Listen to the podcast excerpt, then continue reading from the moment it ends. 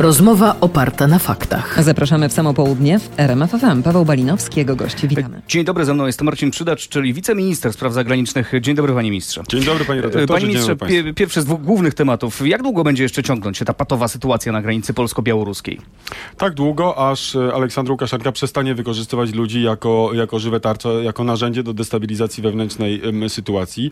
E, A zrobi to wtedy, kiedy jakby no, e, napięcie wewnętrzne w Polsce zacznie opadać. Aleksander Łukaszenka próbuje destabilizować w ten sposób e, sytuację w Polsce, wysyłając od kilku e, miesięcy, od kilkunastu tygodni tego typu migrantów. Dopóki e, będziemy się tak żywo tą tematyką No, interesować, ministrze, dopóty będzie nie Łukaszenka interesować, bo jednak to się dzieje na naszej granicy. Mamy potężne siły zagospodarowane z jednej, no i chyba z drugiej strony również. Czy macie informacje o tym, że kolejne takie grupy w kolejnych miejscach się pojawiają? Ja na ten moment nie mam takich informacji, natomiast nie jest to wykluczone, dlatego że mamy informacje o kolejnych grupach przesyłanych e, ludzi z Bliskiego Wschodu przez Mińsk, w, gdzie mają wbijane normalne wizy do legalnego pobytu na Białorusi, następnie są odsyłani na granicę litewską i polską. To są te samoloty, które w Mińsku, w Mińsku lądują między innymi z Iraku, tak? To nie są przecież codzienne połączenia. Panie ministrze, do tego za chwilę wrócimy, a jeszcze chciałem zapytać o inną ważną sprawę.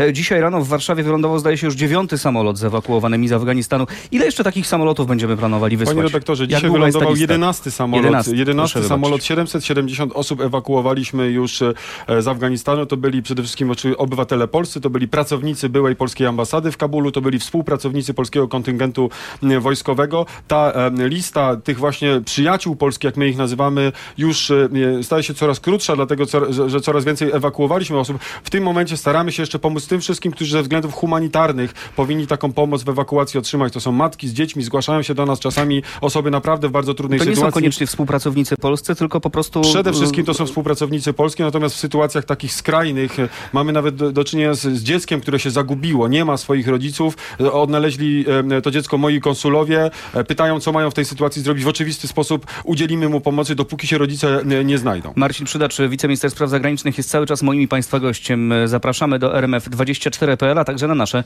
strony w sieci. Panie ministrze, no, w- sprawie ewakuacji z Afganistanu, no mówił pan, że 11 samolot wylądował, to znaczy, no, jak długa jest ta lista? No, ona się siłą rzeczy skraca, tak, bo coraz mniej ludzi chce się ewakuować, ale czy bierzemy pod uwagę pomoc na przykład innym krajom? Czytamy, że e, Ukraina ma 50 osób, które, co, co do Panie- których ma problemy z ewakuacją. pomagamy się zgłaszają? krajom.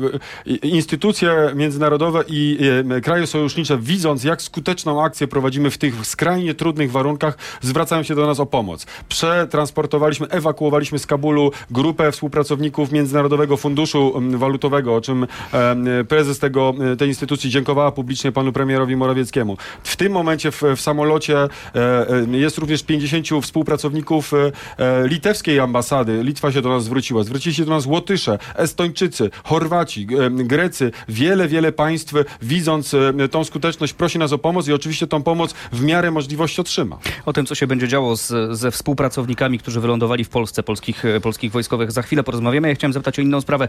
Jest jakaś odpowiedź w sprawie tego konwoju PCK, który wysłaliśmy w stronę Białorusi. Wiem, że, no, że tutaj też jakiś dialog ze stroną białoruską chyba był prowadzony. Pytanie, czy on przyniósł jakikolwiek skutek? Czy ten konwój się redaktorze, przedostał jak przez wszyscy granicę? wiemy, e, te osoby e, na granicy znajdują się po stronie białoruskiej, w związku z tym Dlatego nie ma, pytam o konwój, nie ma który jest w możliwości udzielenia im pomocy od strony polskiej, bowiem nie przekroczyły te osoby polskiej, e, polskiej granicy, ale mając na uwadze też te argumenty, które pojawiają się w polskiej debacie publicznej, apele między innymi Rzecznika Praw Obywatelskich, oczywiście chcemy tym osobom pomóc, ale w sposób legalny. Przekraczanie granicy Unii Europejskiej i Rzeczypospolitej Polskiej odbywa się poprzez przejścia graniczne. Jest konwój e, przeznaczony z pomocą, namioty, łóżka, śpiwory, e, środki higieny osobistej. Czeka w Bobrownikach na decyzję strony białoruskiej. Decyzji jeszcze nie ma, tak? Wczoraj jeszcze rozmawialiśmy z Charge d'Affaires Białorusi tutaj w MSZ-cie. Nie ma tej decyzji. Jak nam przekazano, przyjęto tą e, propozycję Polski, w tym sensie nota została odebrana, natomiast decyzji ze strony białoruskiej nie ma. Czekamy na nią. Panie ministrze, no, konwój czeka, żeby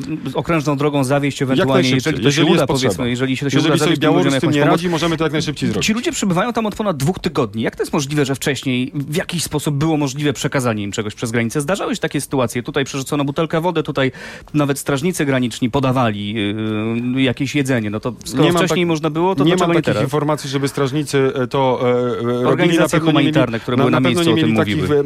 Wy- wytycznych ze swojego e, kierownictwa, jeśli jakieś osoby to robiły, proszę pamiętać, że to jest granica e, i kodeks Schengen w jasny sposób mówi, w jaki sposób można przekraczać granice, przenosić dobra i tak dalej. Odbywa się to przez e, przejścia graniczne w godzinach ich otwarcia. Do tego jest przejście w Bobrownikach, do tego jest przejście w Kuźnicy. Tam należy przekraczać granicę z Białorusią. W sprawie, w sprawie tego, co się dzieje z tymi ludźmi, tu jest kilka organizacji, które zwracają na to uwagę. Na przykład Rzecznik Praw Obywatelskich Marcin Wiącek mówi, powołując się na swoich ludzi na miejscu, mówił, że ci ludzie deklarowali, że chcieliby ubiegać się o azyl w Polsce. Cudzoziemcy podchodzili do funkcjonariuszy, oni usiłowali ich nie dopuścić do przekroczenia granicy, bo zgadzamy się, to jest ich praca i tu doszło do takiej sytuacji.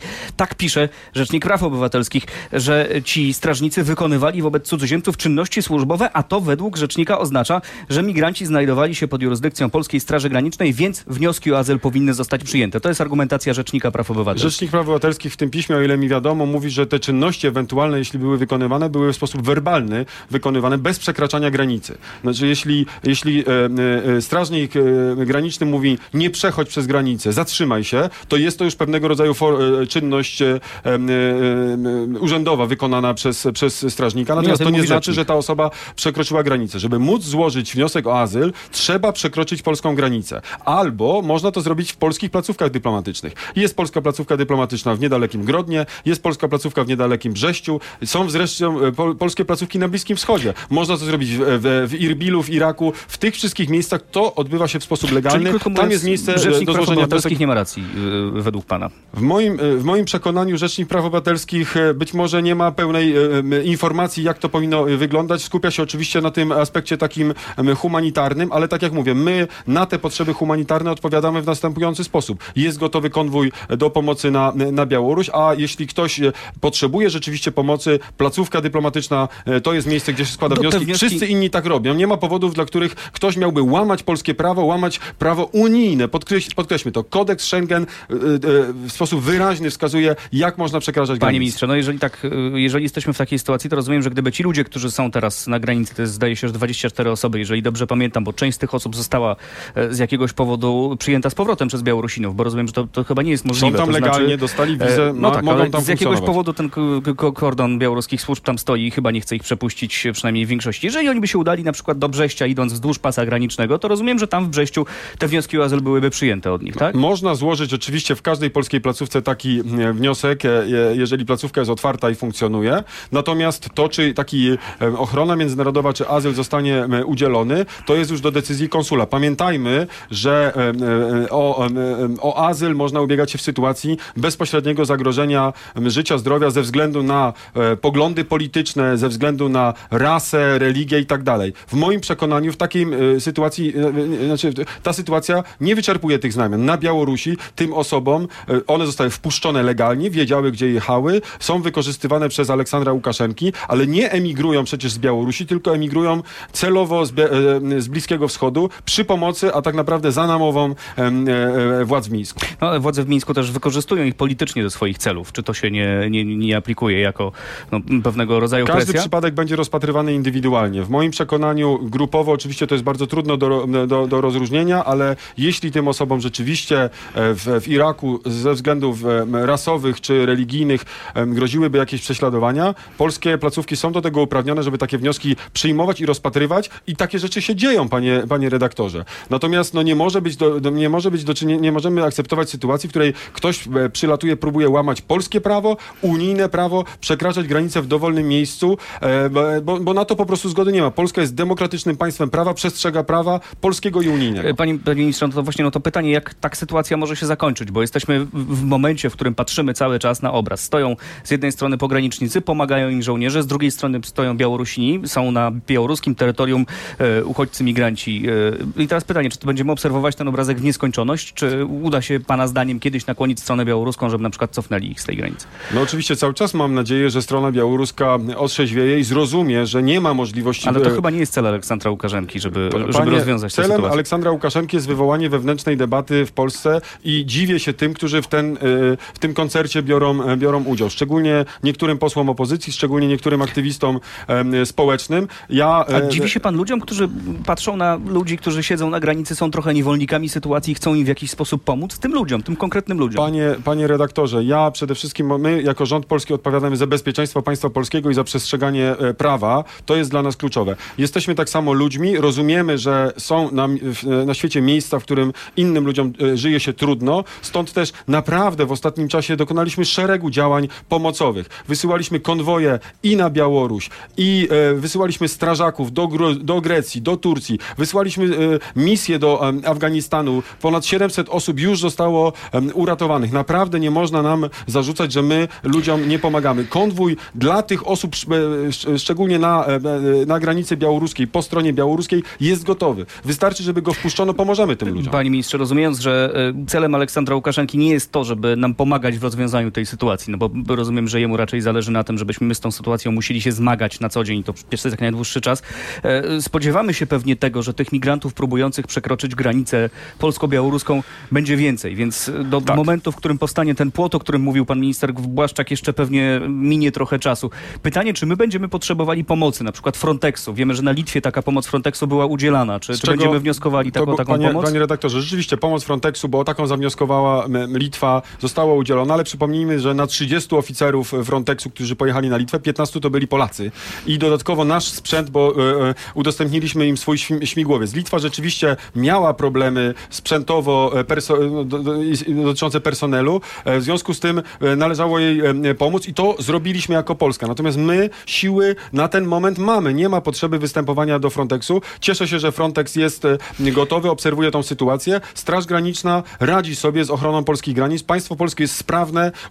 Usprawniliśmy wiele, e, wiele rzeczy, także w sensie, w sensie prawnym. Będzie budowane kolejna, kolejna, e, kolejne ogrodzenie, bo pamiętajmy, że w ostatnim czasie ta granica polsko-białoruska została uszczelniona. Tak, tylko że pokazują te obrazki, które widzimy. Wystarczyło położyć jakieś deski na tym ogrodzeniu, tym niskim i ludzie przez to przechodzili. No widzieliśmy takie sytuacje, Stąd więc też, to panie redaktorze, decyzja o wyjątkowo, e, po- wyjątkowo wybudowaniu jeszcze drugiego pasa em, ogrodzenia, taka, żeby w- uniemożliwić wszystkim tym osobom, którzy nielegalnie chcą się przedostać do Polski. pewnie My dbamy o bezpieczeństwo Polski i Polaków. Nie ma zgody, panie redaktorze, nie ma zgody na to, żeby tego typu grupy przechodziły, dlatego że za chwilkę za, e, e, przyjdą kolejne dziesiątki, setki, tysiące i za to odpowiedzialni będą ci, którzy dzisiaj zachęcają tych ludzi. Ja słyszałem posłów opozycji, którzy mówią, wpuśćcie ich. Nieważne kto to jest, to się sprawdzi może kiedyś później. Panie redaktorze, no my jesteśmy rządem państwa polskiego, Ale musimy odpowiadać za To bezpieczeństwo naprawdę Polaków. myśli pan, że to, to, to, to zależy od tego, co zrobi dalej Łukaszenka, czy my wpuścimy tych ludzi, czy nie? Ja myślę, że dalsze jego ruchy będą niezależnie od tego, czy my to zrobimy, czy tego nie zrobimy, takie same. Jestem, jestem przekonany, panie redaktorze, że jeśli będziemy bronić polskiej granicy, jeśli e, nie będzie tego typu e, e, festiwalu medialnego, jakichś takich wydarzeń w postaci wizyt, prób przekroczenia nielegalnego granicy przez polskich posłów, to Aleksander Łukaszenka zrozumie, że e, ta sprawa nie przynosi mu żadnego, żadnego e, pozytywnego skutku. Wręcz przeciwnie, będzie ściągał dalej imigrantów, którzy nie wydostaną się z Białorusi i będzie miał wewnętrzną sytuację e, dla siebie niekomfortową. Naprawdę bądźmy tutaj odpowiedzialni i brońmy granicy nie tylko Polski, ale Unii Europejskiej. I ostatnie zdanie, panie redaktorze. W dniu wczorajszym widziałem informację, Ministerstwo Spraw Zagranicznych Niemiec spotyka się także z Irakijczykami, zaniepokojeni tym celowym przesyłaniem ludzi z Bliskiego Wschodu przez Białoruś. Niemcy również są tym zaniepokojeni, bo wiedzą, że ci ludzie być może kiedyś trafią do nich.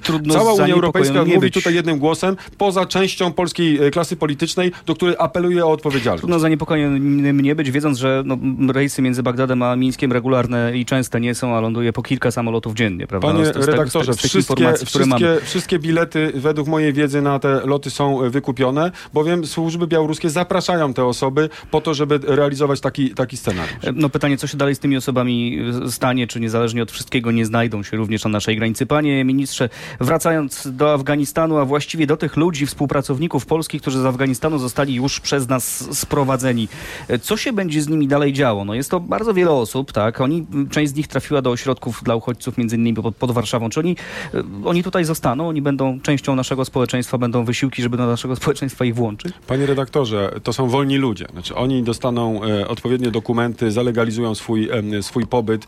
E, polskie państwo udziela im tej pomocy e, na, na tym etapie, bo rzeczywiście tej pomocy pom- po, potrzebują medycznej, psychologicznej. Wszystkim tym osobom, które wystąpią o ochronę międzynarodową, oczywiście będą procedowane wnioski. Jeśli taką ochronę otrzymają, będą liczyły też, będą mogły liczyć na wsparcie państwa polskiego. My już mamy w tym momencie sygnały od tych osób, że część z nich ma rodziny gdzieś na zachodzie, w innych miejscach, w innych krajach Unii Europejskiej, No to jest Stanów oczywiste, że oni Zjednoczonych. wcale niekoniecznie Będą muszą chcieć tutaj zostać, Część nich będzie chciała wyjechać, część z nich ma prawo również, to jest, to byli nasi współpracownicy, pracowali dla państwa polskiego. E, e, Polska może i powinna udzielić im gościny i także i wsparcia. Mam nadzieję, że będziemy ich tutaj mogli jakoś e, zakomodować w Polsce, żeby żyło im się tutaj To dobrze. wróćmy do tego, Jeśli tylko będą tego chcieli. Do tego, co, co dalej w tej najbliższej przyszłości, bo cały czas mówimy o tym, że ta akcja się jeszcze nie skończyła. Tak, 11 samolotów, mówiliśmy o tym na początku naszej rozmowy. Czy kolejny samolot już wyleciał, czy wyleci w najbliższych dniach? Jak to wygląda od strony technicznej w Panie tym momencie? redaktorze, tak, kolejny samolot jest e, w drodze. W międzyczasie tam na lotnisku w Kabulu nasi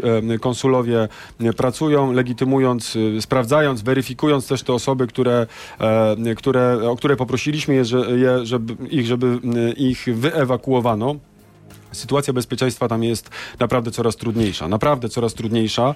E, W koordynacji także z naszymi sojusznikami mamy informację, że ten czas naprawdę jest coraz, coraz krótszy. Przychodzi ten moment w sytuacji, w której spełniliśmy zasadnicze e, cele tej misji. Polscy obywatele wyewakuowani, pracownicy ambasady wyewakuowani. Znaczna część tych, którzy zgłosili się do nas e, jako pr- przyjaciele polscy, ci, ci, którzy pracowali dla kontyngentu, czy współpracowali, tłumacze, kierowcy, została wyewakuowana. Chcielibyśmy oczywiście pomóc e, jak największej liczbie osób, ale nie może się to odbywać kosztem e, bezpieczeństwa, a, je, a jednocześnie, i to już e, ostatnie zdanie, no, musimy mieć świadomość, że wszystkich osób chcących wyjechać z Afganistanu, to mogą być, przecież być miliony. No wszystkim nie jesteśmy w stanie Wszystko pomóc. jest Robimy jasne, co, panie co. Wszystko jest jasne, panie ministrze. Pytanie, gdzie jest granica, to znaczy i gdzie jest te- ten ostatni moment, w którym będzie można tym ludziom pomóc? Sam pan przed chwilą powiedział, że czas się powoli już kończy.